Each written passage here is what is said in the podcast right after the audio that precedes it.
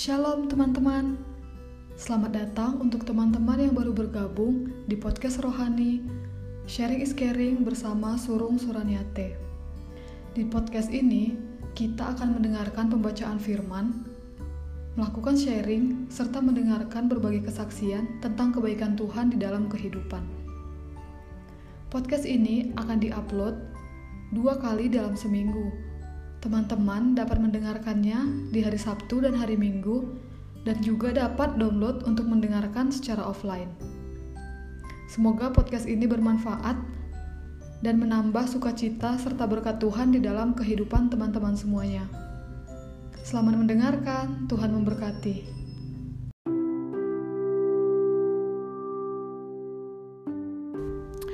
Baik, teman-teman, saat ini saya akan memberi kesaksian tentang kebaikan Tuhan dalam kehidupan saya sampai hari ini. Seperti yang kita ketahui, ya, teman-teman, uh, saya bukanlah seorang pendeta, saya juga bukan seorang pembicara, saya hanya ingin menyampaikan betapa besarnya berkat Tuhan dalam kehidupan saya melalui podcast yang sedang kita dengarkan. Nah, teman-teman, untuk saat ini saya akan bercerita tentang kebaikan Tuhan dalam pendidikan saya, di mana Tuhan memberikan begitu banyak kegagalan dalam kehidupan saya, sampai pada akhirnya ternyata saya menyadari Tuhan memiliki rencana yang begitu indah untuk masa depan yang saya jalani saat ini. Nah, eh, mungkin saya akan mulai dari uh, saat saya di bangku sekolah dasar. Jadi saya ini dulunya sekolah di salah satu sekolah negeri di Kabupaten Papak Barat, Provinsi Sumatera Utara, yang mungkin banyak dari teman-teman nggak pernah dengar atau mungkin sudah pernah dengar tapi tidak tahu lokasinya di mana. Nah setelah itu saya dan abang saya itu sekolah melanjutkan sekolah ya ke jenjang SMP itu pindah kota. Jadi kita itu tinggal bareng keluarga di luar kota dan di sana kita mulai belajar untuk mandiri atau uh, untuk dapat melakukan semuanya sendiri. Jadi tanpa kita sadari itu uh, kita memang sudah diajari untuk lebih dewasa bahkan saat kita masih duduk di bangku SMP. Nah, kemudian lagi-lagi orang tua kita mengarahkan kita untuk sekolah di luar kota lagi. Nah, ini lebih jauh lagi. Jadi kita itu diminta untuk bersekolah di salah satu sekolah swasta di kota Medan dan secara tidak langsung kita harus benar-benar bisa beradaptasi, harus bisa lebih mandiri lagi karena pada saat itu kita memang uh, jaraknya cukup jauh dengan orang tua dan karena kedua orang tua juga bekerja, jadi kita itu semacam apa ya? dituntut untuk lebih mandiri dan harus lebih membiasakan diri untuk melakukan segala hal tanpa harus bergantung kepada orang tua. Nah, tapi puji Tuhan, selama melewati tahapan tersebut, Tuhan benar-benar hadir di dalam kehidupan kita. Tuhan benar-benar membantu kita, terutama mungkin saya pribadi ya.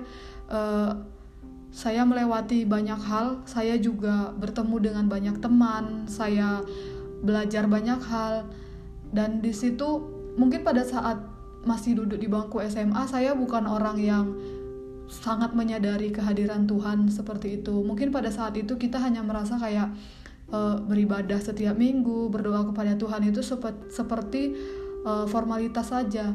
Namun ternyata secara perlahan uh, Tuhan mengarahkan langkah kaki kita atau langkah kaki saya sendiri untuk lebih berfokus atau lebih memusatkan diri kepada Tuhan Nah, seperti biasanya kan kalau anak-anak uh, sekolahan ya kalau sudah musim-musim ujian, mau ulangan gitu kan pasti kayak wah, waktunya nih mendekatkan diri kepada Tuhan, waktunya wah saya harus berserah kepada Tuhan seperti itu. Nah, saya pun mengalami hal itu. Hingga pada akhirnya mungkin dengan begitu semangat menggebu-gebu ya selain daripada berusaha dengan cara ikut les, ikut bimbingan, uh, kegagalan terbesar pertama saya itu di saat saya tidak diterima di universitas negeri. Jadi ada semacam pukulan di dalam diri saya di mana saya merasa uh, aku sudah belajar dengan baik, aku sudah berusaha, bahkan aku pun mungkin memiliki waktu untuk belajar lebih dari beberapa orang teman yang pada saat itu sudah diterima. Nah, di saat itu muncul kecemburuan, muncul iri hati di dalam hati saya. Jadi saya kayak menuntut kepada Tuhan, Tuhan kenapa aku tidak bisa sama seperti teman-temanku. Tuhan, kenapa aku harus gagal? Nah, tapi di saat itu mungkin kehadiran orang tua yang menguatkan seperti itu. Jadi, pada saat itu orang tua selalu mendukung saya, selalu meminta coba ini, coba ini, coba ini. Namun pada saat itu mungkin uh, saya tidak bilang itu keberuntungan, mungkin memang Tuhan tidak mau atau belum waktunya Tuhan untuk menempatkan saya menjadi seorang mahasiswa untuk menaikkan level saya mungkin dari anak SMA menjadi mahasiswa. Nah, jadi di situ saya jujur mungkin saya bisa bilang saya malas ibadah. Saya malas berdoa. Saya merasa kayak untuk apa aku ibadah, untuk apa aku rajin berdoa. Toh teman-temanku yang kerjaannya main atau teman-temanku yang mungkin lebih malas dari aku saja bisa diterima kok. Di PTN malah aku nggak diterima gitu. Dan di situ aku kayak ditegur sama Tuhan terus ada satu momen di mana aku merasa kayak aku harus bangkit lagi. Masa aku mau kayak gini terus? kayak gitu. Nah pada saat itu uh, muncullah adalah salah satu peluang di sekolah yang sekarang juga menjadi tempatku bersekolah ya yang sampai saat ini mungkin aku masih bisa dibilang bersekolah di sana. Jadi eh, berat pada saat itu mungkin ada unsur paksaan orang tua juga untuk bersekolah di sana. Eh, dan tidak tidak puas juga di dalam hati karena eh, itu bukan universitas atau perguruan tinggi yang kuimpikan bahkan selama aku sekolah aku nggak pernah dengar nama sekolah itu gitu. Tapi akhirnya ternyata Tuhan malah mengarahkan langkahku untuk bersekolah ke sana. Nah jadi jadi itu tuh sekolahnya itu cuma satu tahun dan aku bersekolah di sana itu bisa dibilang merantau lebih jauh. Jadi itu lokasinya di Yogyakarta. Sekolah di Yogyakarta itu gimana ya? Orang bilang sebenarnya kan Jogja itu tempat apa ya uh, pusatnya anak-anak kuliah, anak-anak yang pokoknya dari mana aja ada gitu. Nah, e, pada saat menjalani sekolah di sana, ternyata kita tinggalnya di asrama dan e, harus melalui beberapa tahapan untuk dapat bersekolah di sana. Dan sekolahnya itu mungkin bisa dibilang e, bukan universitas e, biasa ya, yang mungkin e, perkuliahannya normal atau bagaimana. Jadi sekolah kita itu kan memang uh, semi militer yang kita dituntut untuk disiplin dan karena kita tinggal di asrama juga. Jadi pada saat itu uh, sebelum masuk sekolah itu mungkin ada semacam apa ya mentalnya itu agak down gitu. Jadi pada saat itu uh, ragu apakah mampu nggak ya gitu mampu nggak ya melewati satu tahun dengan keadaan seperti ini.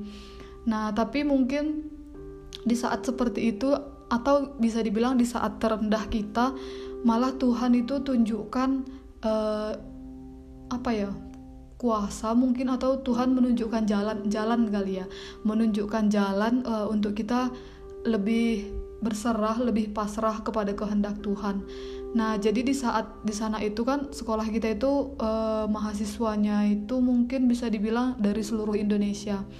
Dan saya sangat bersyukur bahkan sampai saat ini pun saya sangat mensyukuri Tuhan menempatkan saya di sana karena di sana saya ketemu dengan teman-teman dari berbagai daerah.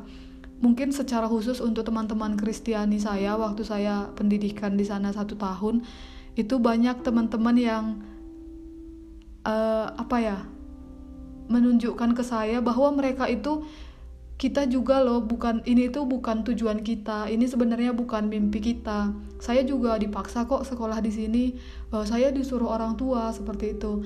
Tapi saya menjalani itu dan saya mensyukuri itu. Nah selain itu ada juga teman yang mungkin bisa dibilang kurang mampu tapi dia mensyukuri itu. Jadi hidupnya itu kayak penuh dengan sukacita gitu. Nah selain itu hal yang paling membahagiakan mungkin pada saat itu kan pada saat saya sekolah itu banyak teman-teman dari timur. Nah teman-teman dari timur itu yang membawa kita kayak uh, lebih bersuka cita gitu. Jadi mungkin kalau di kehidupan saya pribadi karena mungkin saya juga ibadah di gereja saya seperti itu ya sudah uh, ada tatanan ibadah yang secara formal gitu jadi setiap hari minggu itu yang diikuti. Nah pada saat saya di sekolah itu saya bertemu banyak orang dan ternyata mereka punya beragam cara untuk memuji Tuhan. Mereka punya beragam cara untuk menunjukkan rasa syukur mereka kepada Tuhan. Jadi di situlah pertama sekali saya apa ya merasa kayak wah ternyata berkat Tuhan itu luar biasa. Ternyata kebaikan Tuhan itu banyak banget. Nggak nggak cuma yang kayak uh, kita lulus di sekolah ini atau kita uh, dapat apa yang kita mau. Ternyata bahkan dari kita bangun sampai kita tidur itu berkat Tuhan itu nggak bisa dihitung gitu. Nah pada saat itu mulailah saya mencoba untuk lebih dekat untuk lebih intens membangun hubungan saya kepada Tuhan. Hingga pada akhirnya uh, sedikit demi sedikit hal yang tadinya menurut saya wah berat sekali berat sekali menjalani satu tahun di Jogja berat sekali menjalani satu tahun di sekolah yang bahkan jurusannya saya nggak tahu itu apa gitu. Tapi ya puji Tuhan kehadiran teman-teman uh, dukungan orang tua dan terutama penyertaan Tuhan dalam kehidupan saya itu membawa saya uh, ke arah yang mungkin bisa dibilang di luar ekspektasi saya sebelumnya. Nah, setelah saya lulus sekolah itu satu tahun, uh, saya itu ikut tes ya. Mungkin uh, saat ini dikenal tes CPNS seperti itu. Dan puji Tuhan itu Tuhan kasih berkat yang luar biasa. Saya bisa lulus dan itu saya antara percaya atau enggak sih. Karena pada saat itu saya ngerasa itu di mindset saya itu ya PNS itu yang sudah umurnya udah 20-an, 30-an seperti itu. Dan pada saat itu umur saya masih 19 tahun atau 19 tahun pada saat itu.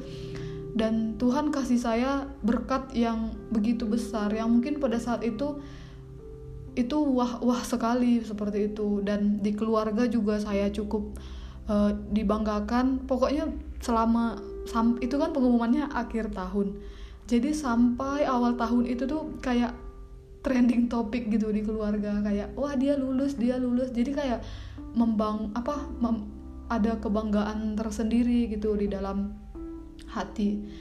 Apalagi pada saat uh, ada momen di mana pada saat pengumuman terus uh, cerita atau apa ya pada saat ngasih tahu ke orang tua itu tuh orang tua sampai nangis seperti itu kayak wah ternyata di situlah saya menyadari bahwa ternyata uh, rencana Tuhan itu indah.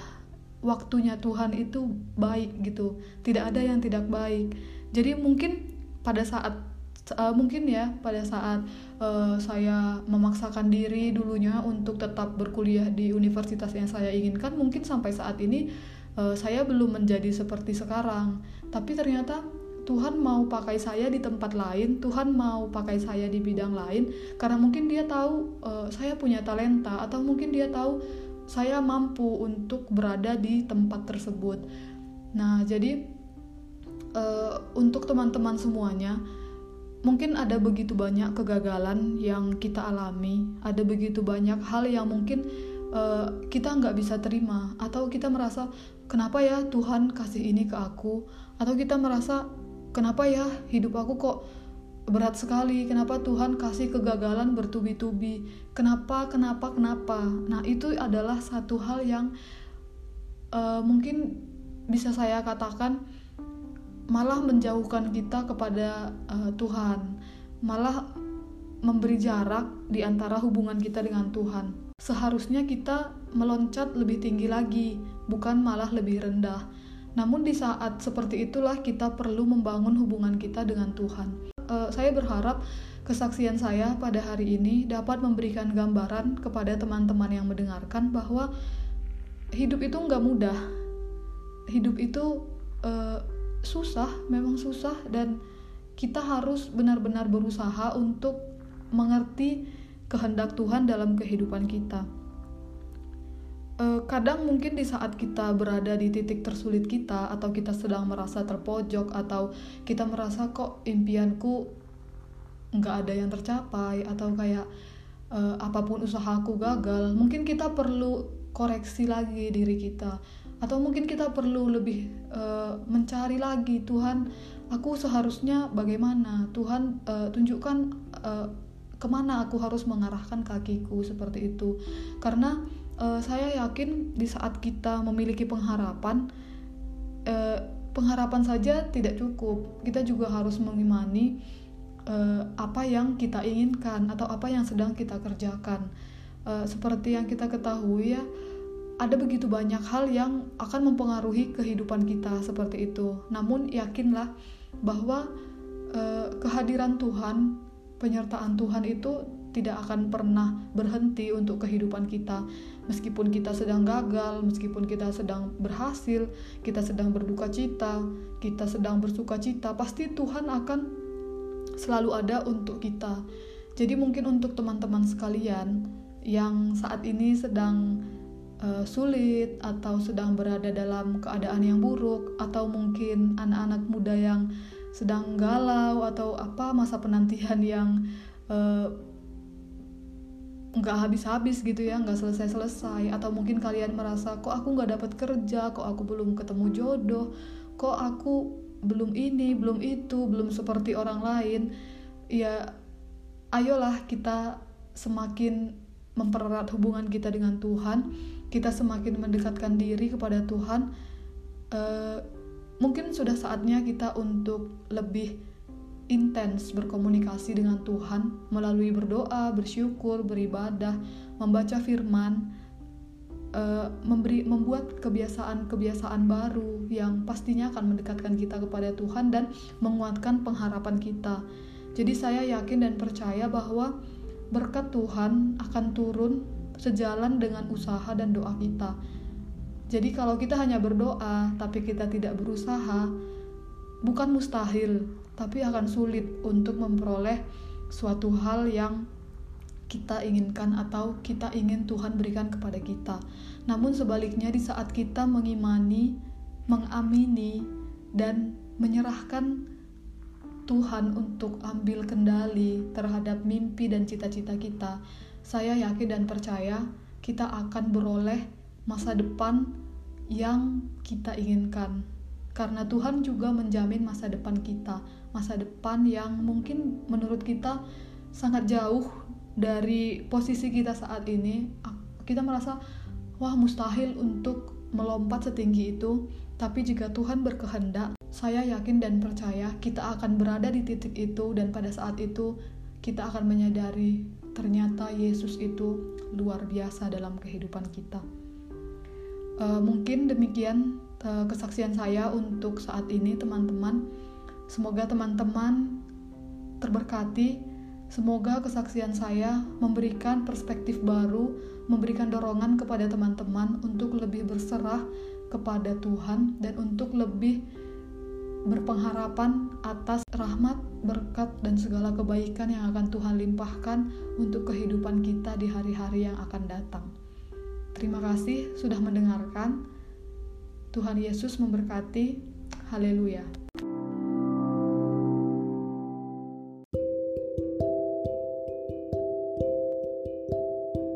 Terima kasih untuk teman-teman yang sudah mendengarkan podcast Rohani Sharing is Caring. Jangan lupa untuk selalu mendengarkan podcast kita di episode yang berikutnya.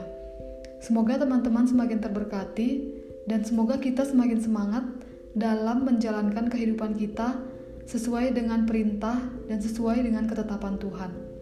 Sampai berjumpa kembali di podcast berikutnya. Shalom, Tuhan memberkati.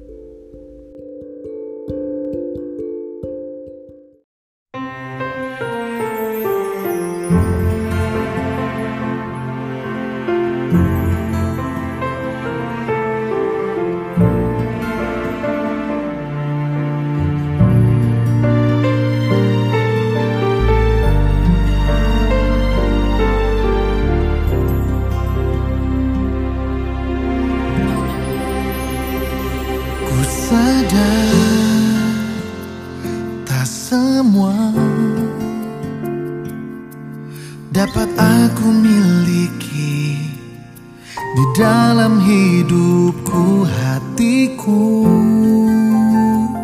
Percaya rancanganmu bagiku adalah yang terbaik.